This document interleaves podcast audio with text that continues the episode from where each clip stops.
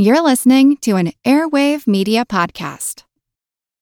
When you need mealtime inspiration, it's worth shopping Kroger, where you'll find over 30,000 mouthwatering choices that excite your inner foodie. And no matter what tasty choice you make, you'll enjoy our everyday low prices, plus extra ways to save, like digital coupons worth over $600 each week. You can also save up to $1 off per gallon at the pump with fuel points. More savings and more inspiring flavors make shopping Kroger worth it every time. Kroger, fresh for everyone. Fuel restrictions apply. This is the story of the one. As head of maintenance at a concert hall, he knows the show must always go on. That's why he works behind the scenes, ensuring every light is working, the HVAC is humming, and his facility shines. With Grainger's supplies and solutions for every challenge he faces, plus 24 7 customer support, his venue never misses a beat. Call quickgranger.com or just stop by. Granger, for the ones who get it done. This is Kick Ass Politics. I'm Ben Mathis. Hey, folks, just a quick announcement. We're in the midst of a very important fundraising drive to come up with all of our production costs for 2016. If you like Kick Ass Politics and you value what I'm doing here, then I hope you'll go to gofundme.com backslash kickasspolitics and donate what you can. It's vital that we fund our production budget for the coming year so I can focus my energies on the content side of Kick Ass Politics and keep producing new episodes for you every week. So be a part of what I'm creating here. Just go to gofundme.com backslash kickasspolitics or hit the donate button on our webpage at kickasspolitics.com. Thanks in advance, folks, and now enjoy the show. Hi there, I'm Ben Mathis, and welcome to Kick Ass Politics. Folks, if you've been listening for very long, you can probably guess that I'm not a big reality TV fan. But over the past three or four weeks, I've gotten sucked in by a brand new documentary reality series that's airing on Sunday nights on Showtime. It's called The Circus Inside the Greatest Political Show on Earth. The pitch for The Circus is that it pulls back the curtain on the 2016 presidential race, revealing the intense, inspiring, and infuriating stories behind the headlines. Now, obviously, I enjoy this show because, well, I'm a political junkie. But even if you're not an addict like me, it's fun and entertaining enough that I think you just might get hooked because it follows this year's presidential candidates on the trail in a much more intimate and personal way than you're used to seeing them. And it also gives you a look at the manic pace and unpredictability of a presidential primary through the eyes of the campaign operatives and traveling reporters who sometimes struggle to keep up with their candidates. It's co hosted by three political rock stars Mark Halperin, John Heilemann, and Mark McKinnon. Halperin and Heilemann are journalists who collectively have nearly 60 years covering presidential politics. They're the co authors of the best selling books Game Change and Double Down, and now they're co managing editors at Bloomberg Politics and co hosts of Bloomberg TV's With All Due Respect. The third element, Mark McKinnon, brings an entirely different perspective to the circus that of a seasoned media advisor to the campaigns of President George W. Bush in 2000 and 2004 and Senator John McCain in 2008. An award winning producer and communications strategist, Mark McKinnon has also served as the consultant to the television series The Newsroom and House of Cards, and he writes a weekly column for the Daily Beast. Today, he's joining me to talk about what it's like to go from being the ultimate presidential campaign insider to following the campaigns as a member of the media. We'll talk about the breakneck production pace of the circus and his thoughts and predictions for 2016. Coming up with political legend Mark McKinnon.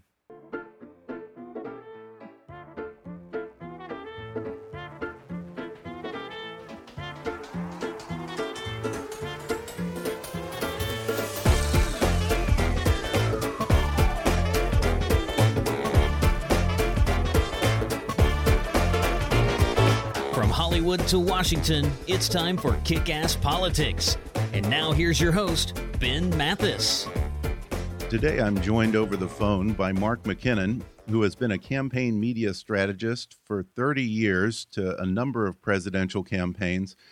And he now stars alongside journalists Mark Halperin and John Heilemann in the Showtime documentary series called The Circus Inside the Greatest Political Show on Earth. Mark, thanks for coming on the show. Hey, thanks. Glad to join you, Ben. Um, we're taping this the day before the New Hampshire primary. Are you somewhere in the Granite State right now?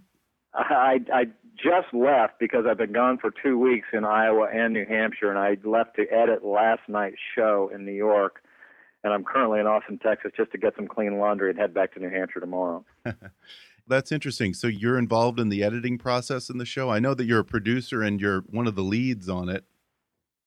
Well, what we do is we have an amazing production team called Left Right uh, Productions out of New York, and uh, they they I mean they're the production end of this this deal, and they're superstars, and they do all the magic. Uh, we just have determined that it's important that one of us, me, Mark, and John, at, at least one of us, be there for the final edit because they're just there. It's not so much technical production issues as it is just kind of political eyes on some of the things that you know, just like title cards and things that, and we're crashing the show so fast. We're literally doing it, you know, just in hours. So it's not like we can easily have phone calls over the road for this last minute stuff. So one of us always has to, we've decided should be in New York for the very final edit.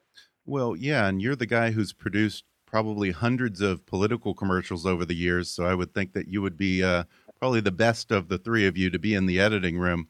I, I don't know about that, but you know the funny thing about this show is that it, it really is a an, an extension of of something that we did in the 2000 Bush campaign, where we produced something called crash ads, as it came to be known, which which was simply we, you know, we do an event or something and we'd shoot it and we'd edit it right there immediately and put it on the air that night. Uh, and the idea of, of doing that was that that there was, you know, absolute immediacy to putting it up that quickly. And it drove really, it was a free press strategy. It wasn't so much that people were seeing it on paid media, but the press would report on that. So, but when we did that, I always, from the very first time we did, I just thought, man, if you could do this in a more extended documentary way and and reveal to viewers just how interesting a presidential campaign is, a, but b to do it in real time would be so cool. And now we're getting a chance to do that. Uh, yeah. How did the project come about? What, was that something that the three of you approached Showtime with, or they approached no, you? Uh, actually, it, it, it, actually, I started thinking about it and started pitching it 14 years ago. Um, wow. And and back in 2002, I had the initial thought, and at that time, I was actually, uh, it was called Knockdown in the Swamp. That was the original title, and I was going to do it in Louisiana but the same same concept. It was like we were going to try and get behind the campaigns and roll it up in real time. And I just and Louisiana just because that was an off year election at the time, and uh, and just because Louisiana politics are so colorful. So we got a lot of interest, and but our timing, you know, didn't work out, et cetera, and it kind of put it to bed for a while. And then a couple of years ago, the idea kind of popped back up, and the idea of doing it with a presidential made it even more interesting, of course. Um, and then we we had a lot of conversations with a lot of people, and I could write a whole book about all of that because it's just so interesting. Um, uh, but we talked to you know major network players, and the, the thing about the show is that it was never complicated for people to get the idea. I mean, it, the pitch was easy. People, uh, the, the executive would say, "Oh man, yeah, got it, cool, that'd be really, that'd be great." But then the next question was always, "How in the hell are you going to do this?" And the prospect of shooting something Monday through Friday or Saturday and editing it, you know, in a crash way like that. So network executives usually see a show, um, you know, weeks if not months ahead of time, yeah. see a finished show and have time to kind of deliberate and think about it. In this case, they have hours. I mean, you know, the Showtime executives are seeing this show like you know Sunday before Sunday night. So there's really limited time for them to say, oh, you know, do this or do that. You know, they're, they're, it's a real. So I give great kudos to David Nevins and Showtime for not only getting it, but but for having the big cojones to say, you know, we're going to do this, and and realizing just what an incredible challenge it is, and risk really for them to to, to put on a show that they see just hours before it goes on. Yeah, it, it really is ambitious because you know there have been political documentaries before. They're like like Mitt, The War Room, yep. Uh, yep. Journeys with George, but mm -hmm. those usually don't even come out till three six months after the election's over. This well, is, as far as I know, the first time anyone's done All three of those that you like just mentioned are have been inspirations for this project. Um, really? in, in, their own way, they're all really good. The the Mitt one particularly was interesting because that was one where, you know, a it was a really good documentary. B, um, it, it, there's a lot of kind of um, looking back because the campaign and Mitt Romney said you can do this, but you but they did it with the caveat that you cannot show it till after the election.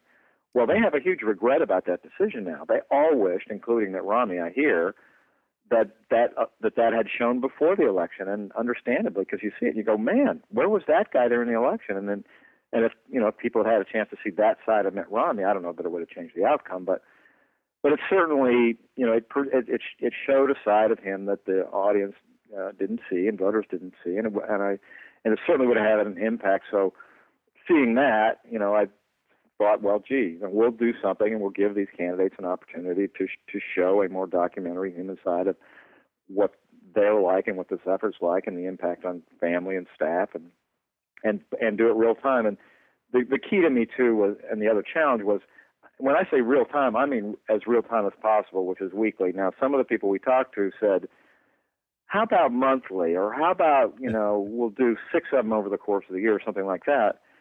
And I just I really held firm to that to that notion because I just think that the appeal uh, for this show is, is not only that political junkies like it, and they do, but I wanted it to have a a, a, a, a relevance to people who I describe as um, uh, not junkies, but people who are politically interested, casually interested in politics. In other words, they're good citizens and they vote pretty regularly, but especially in presidential elections.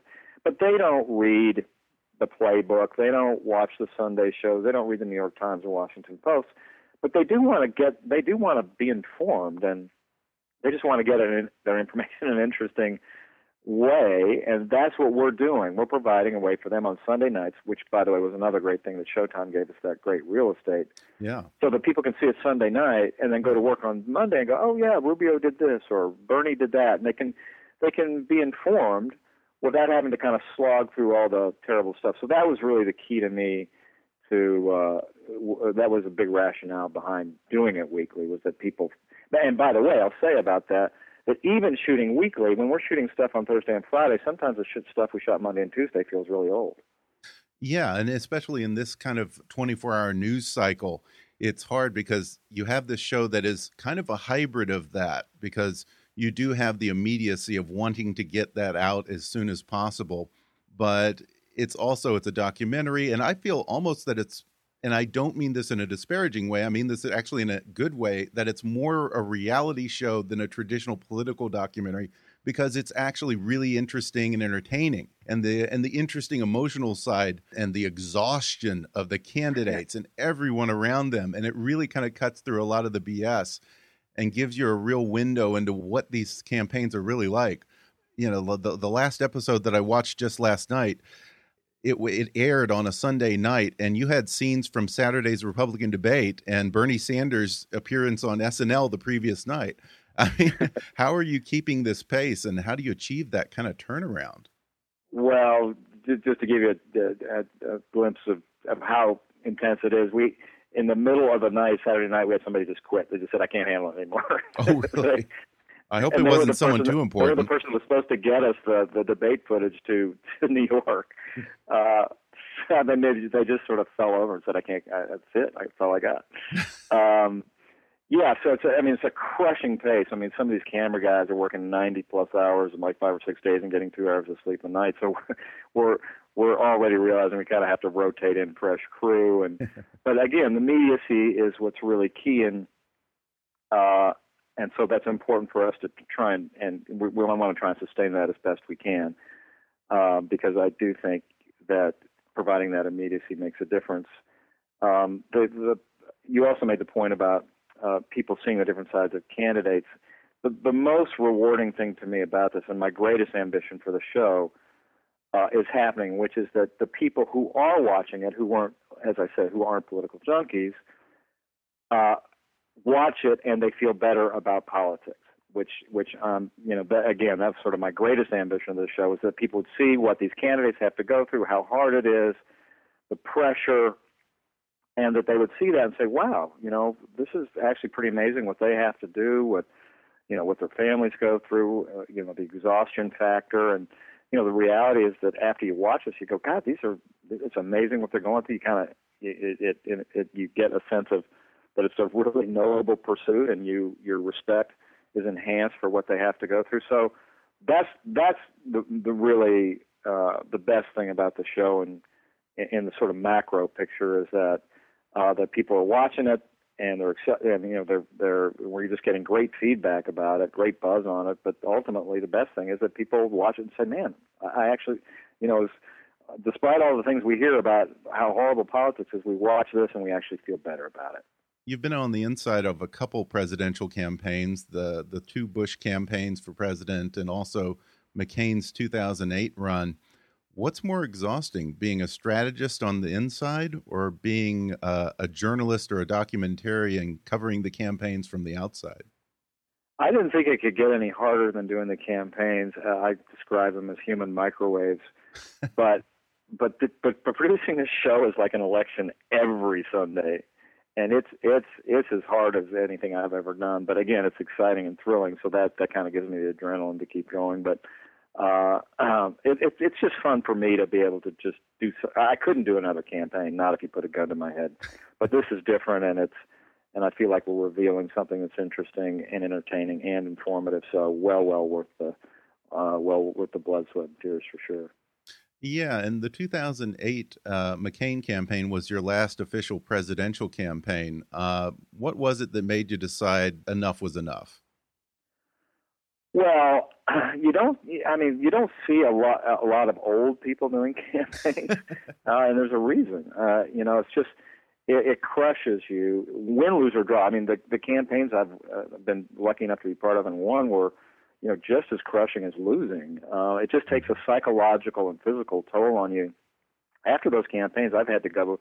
You know, I mean, I, I you know, it just even when we won, it's I, I describe it as you, you sort of turn on these adrenaline valves in your body and your brain that aren't normally, you know, turned on like fire hoses, and they're on nonstop for you know up to two years, and it just screws up your head and your body. I mean, it just really does. It just kind of creates this biological imbalance in your system, so that you know just kind of makes you live in dog years, and so uh, after I did, I hadn't even intended on doing the McCain race. The only reason I did that was just I really liked McCain and kind of just felt that he had sacrificed a lot for his country. And you know, this was I I, I had told him, listen, if I can go mow your lawn or something in Sedona sometime, let me do it. And he said, well, why don't you come help me do this? And so I did, but uh, it wasn't because I wanted to do another one.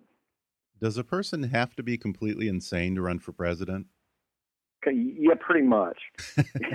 you know, uh, I mean that's I, I, it is it's such an extraordinary thing these people go through. So it's a combination of yeah, they're just not like us. I mean, they've got another chromosome, and I think some of them are good, and some of them are you know maybe you know I think it's some of it is a drive for public service, and probably some of it's a drive for attention and ego and all of that, but it but the whole combination requires a really different kind of cat to run. And uh, you know, I could certainly never do it. I'm always amazed when I'm around any of these people that anybody can do it or is willing to put themselves through it.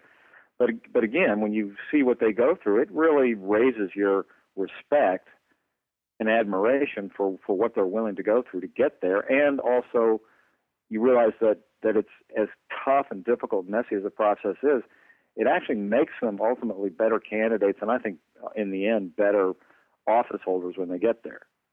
Yeah, and you know, looking at this particular election, we might have a few candidates this time around who actually meet the clinical definition of insanity. Um, after Iowa and looking at the polls going into New Hampshire, is there a real possibility that this election may come down to our craziest versus their craziest?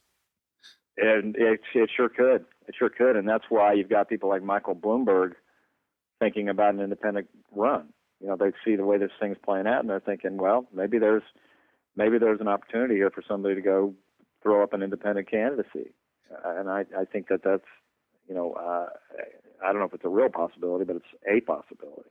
Well, you know, he's floated that before. How serious do you do you think that he is this time? And in full disclosure, your show is actually produced yeah. uh, by Bloomberg, Bloomberg Politics, is our partner, so. but but I, will be yeah. fairly candid about it. I'll be completely candid about it, which is to say that my take on Michael Bloomberg and running is that that he'd love to run, but he'll only run if he really thinks he can win. And I think mm. I think he's thought about it a lot before, and I think he's kind of done looked at him very closely and gets up the line. And but but in the at the end, he's a very pragmatic guy, and he doesn't want to just go be Don Quixote. But but if he looks at it, and his you know he's got very smart people around him, they look at it, and they can kind of game plan the thing out and say, well, you know, there's actually a shot to go do this and win this thing, then they'll they'll take a hard look at it. Hmm. Well, we're going to take a quick break, and then I'll be back to talk more with Mark McKinnon, co-star of Showtime's The Circus.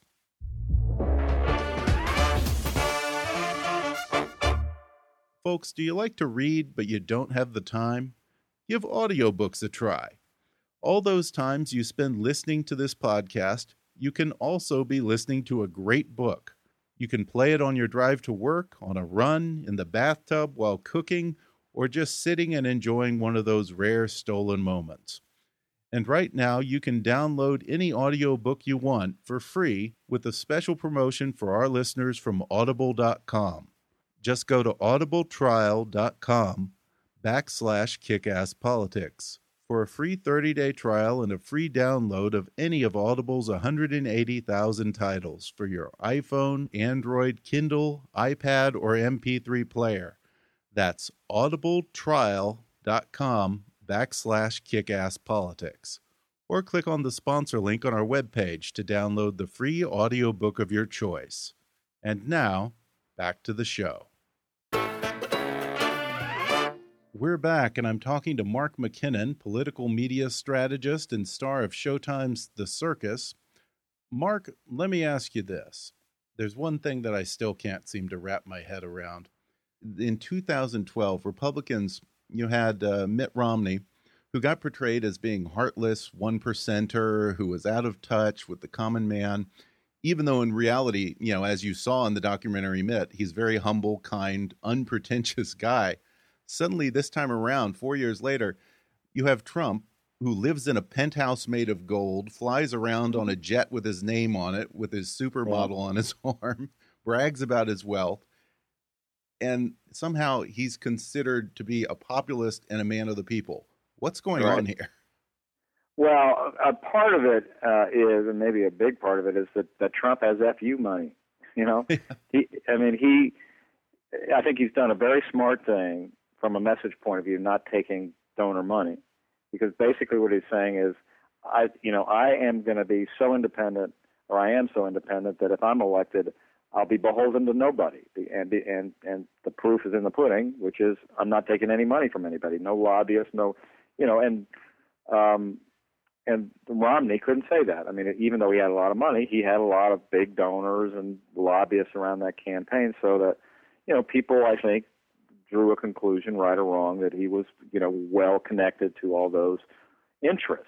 And Trump can just say, "I'm not." You know, I'm I'm I'm a guy that hadn't been in that world, I'm not part of that world, and I'm not taking their money. And I think that's that's part of the driving rationale for a big part of his support.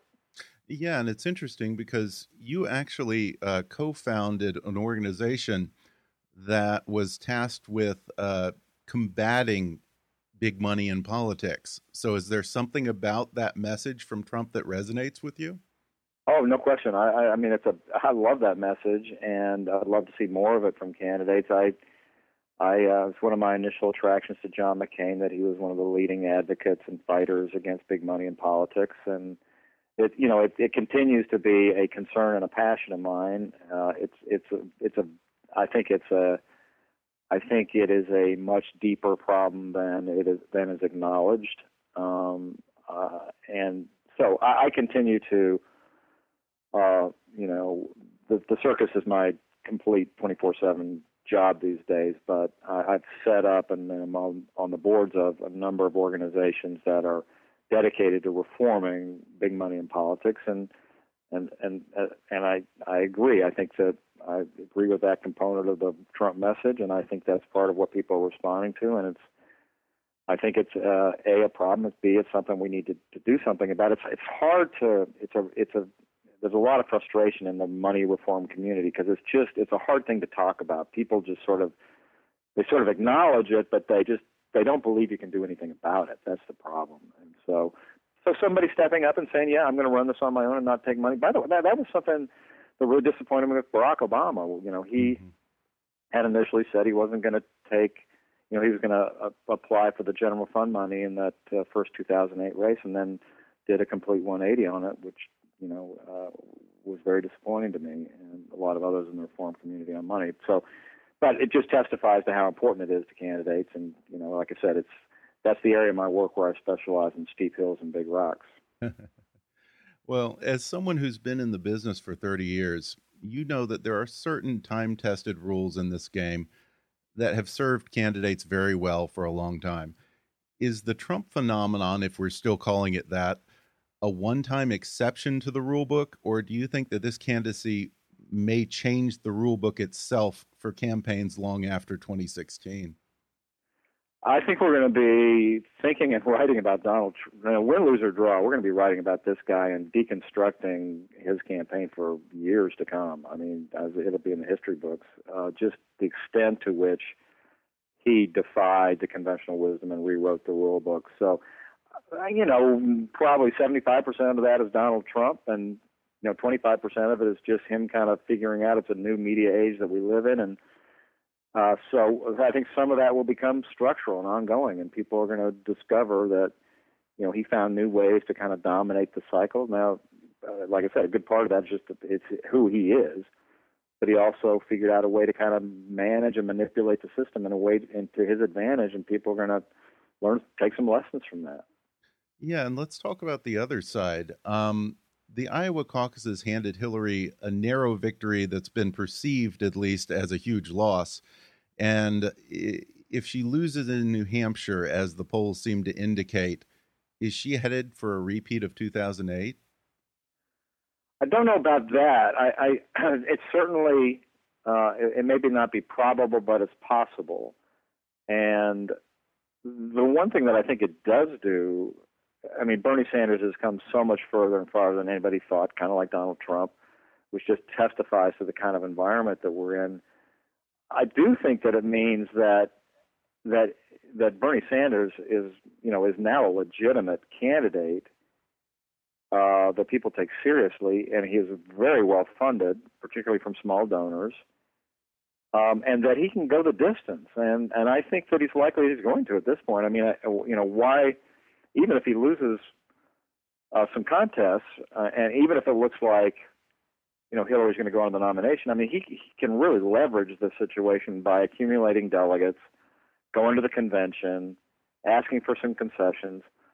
Uh, so uh, you know he, he he's going to have a big impact on this race, and and and you know just you know as putting on my Republican strategist hat, this is all good for the Republicans, and to the extent that it's not just a coronation, and yeah.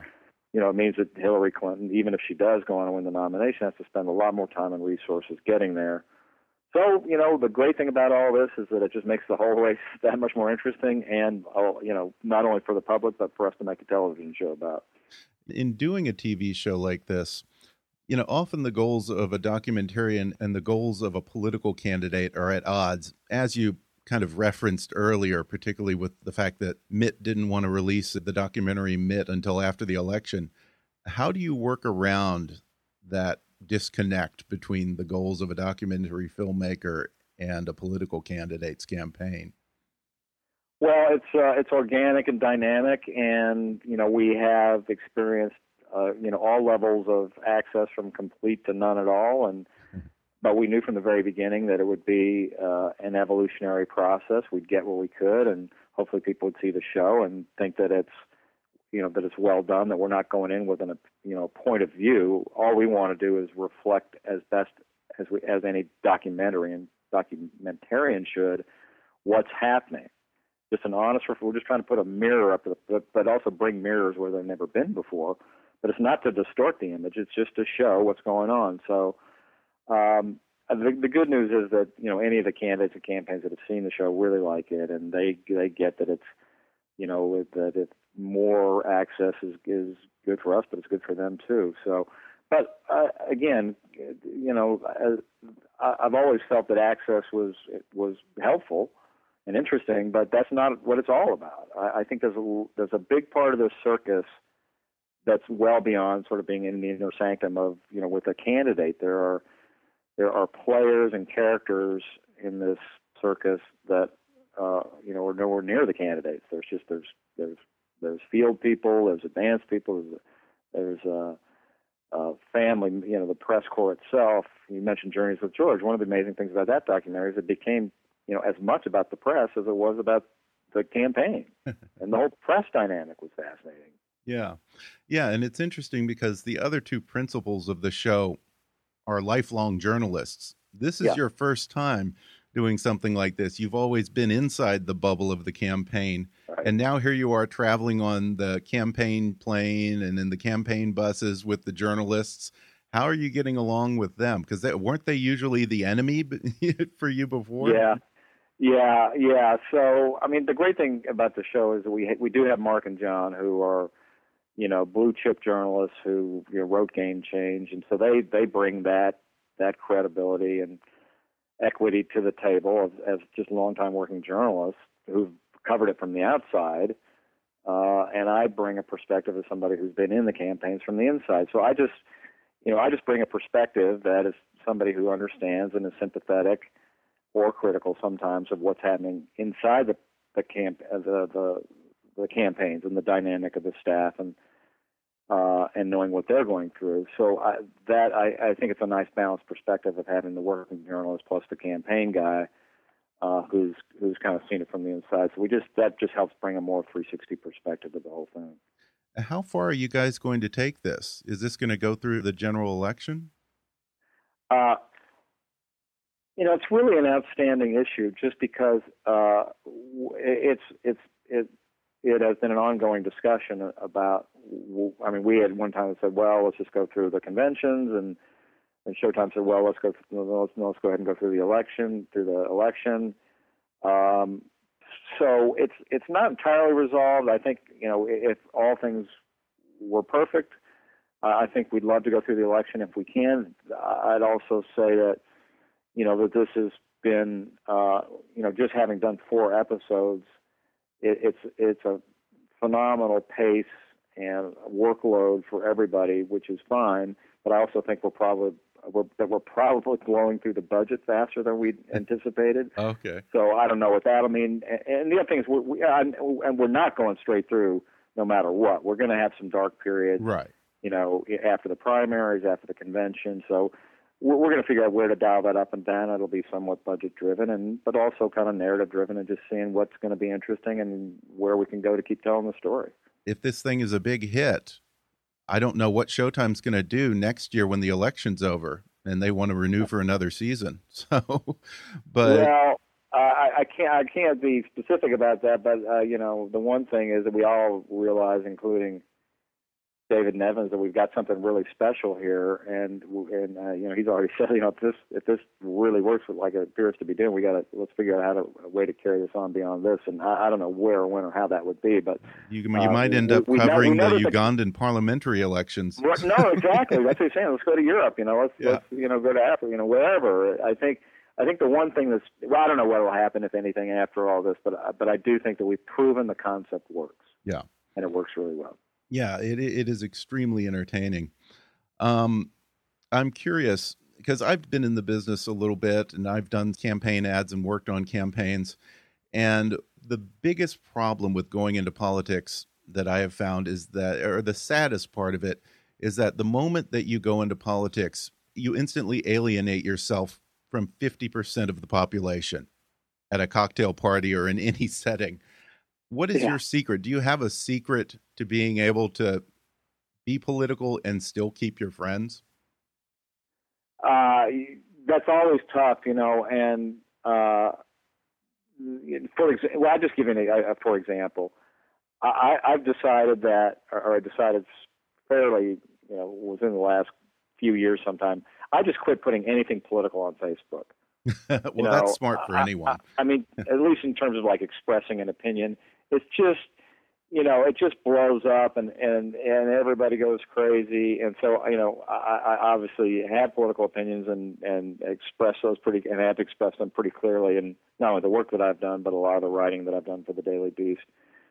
Um, but the other thing is that you know, I'm not I'm not a, I'm not a, a, a I'm not an ideologue. I never have been. I've always kind of been just either left of center or just right of center. So so uh, you know, and most of my friends and neighbors kind of fall in that general sphere anyway. So it it it, it, it it's not a big issue with most of my friends or family, not a big problem. But but it, but it is a partisan time that we live in, and I get that. And as I said, what what what I'm trying to do in my work is is not to create more division, but just find ways to to just recognize that we have people that are increasingly polarized in their views, and just find a way to bring them together so that we can can can solve the problems that we have out there, even though we have a divided country. You know, the other night, Frank Luntz put out a question that's always been on my mind.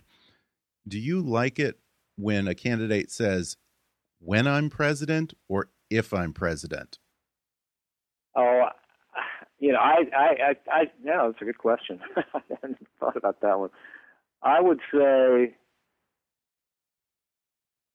uh, I, you know, listen. I, I, a big part of running is confidence, and I think if somebody's running and they, you know, they intend to, they think that they're, they got what it takes to be president. They should say, you know, when I'm president, here's what I'm going to do. It doesn't you know, seem too it, presumptuous. Uh, You're the I message don't think guy. So. I mean, I mean, just just because having worked in a lot of campaigns, I know that it's important for voters that what they want is a sense of confidence and strength so you know, I don't think that's I don't think that's a real negative. I think that people just say, you know, if you're running for president, you you you should you you you you've got the sense that you uh, ought to be there, and just say that that's what your intention is going to be. well, before we go, I want to ask you about the Mark McKinnon style. The DC political class isn't exactly known for fashion, but you're not the typical blazer and tie political operative. You're usually seen with a cowboy hat and a Panuelo scarf. Where did the Mark McKinnon style come from? Wow, I'm very impressed that you got the Panuelo. That's that's uh, that's some that's some either good cultural knowledge or some good research. uh, um, well, I mean, just a couple of things. One is I don't really originally come from the world of politics or or corporate sort of work. I'm I'm a former songwriter. I ran away from home in the middle of high school and hitchhiked to Nashville and banged around the music business for for a decade or so. So that's kind of originally where I come from, and I've I've just always hated to to. I've never been much of a conformer, and uh, whenever I go to meetings and things, I don't like to be everybody else. I like to be the other guy. Yeah. so, uh, and I always and I had a very well two things. One is uh, there's not a picture of me growing up. I don't have a hat on. I've always been the cat in the hat. I just love hats, and uh, uh, so that's that's not like an adopted style. It's just something I've done all my life. And then the scarf thing is, I just hated ties. You know, I just it, it's always seemed to me a really weird convention that's you know I don't know a hundred years ago or whenever it was somebody put a piece of cloth around their neck and then everybody said everybody should do that every day it just seemed weird. You know, it's like why did why did how did we hang on to this weird convention that makes everybody look exactly the same?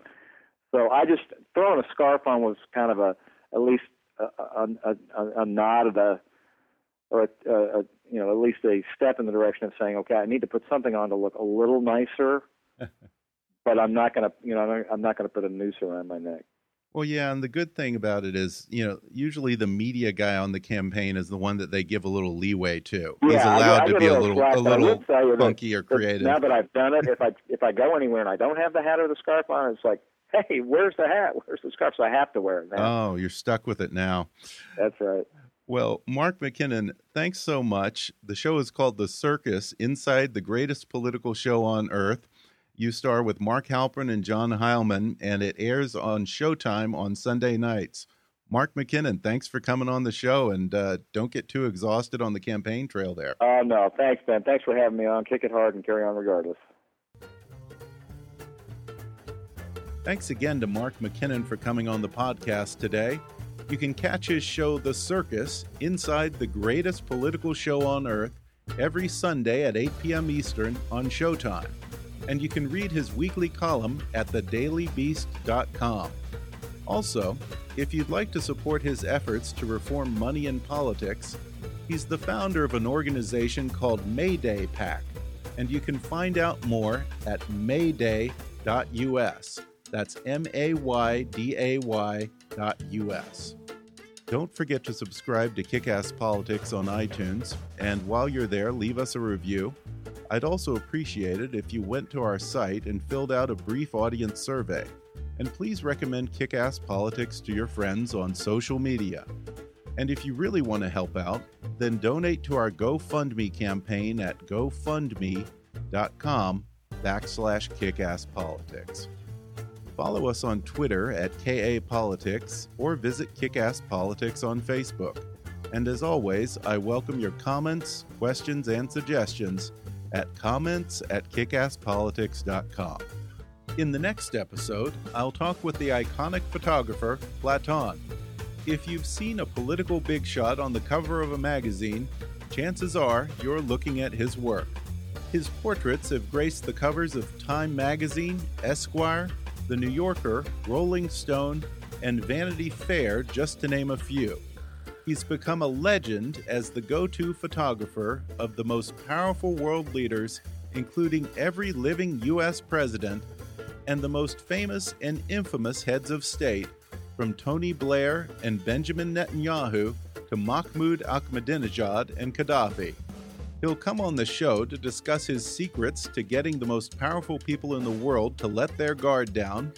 Plus, he'll reveal how he got Vladimir Putin to sit for the only portrait of his entire life for Time's Man of the Year cover. And we'll talk about his now infamous Esquire photo of Bill Clinton. He'll also talk about his new project that's putting a face on the cause of human rights around the world. Coming up in the next episode. But for now, I'm Ben Mathis, and thanks for listening to Kick Ass Politics.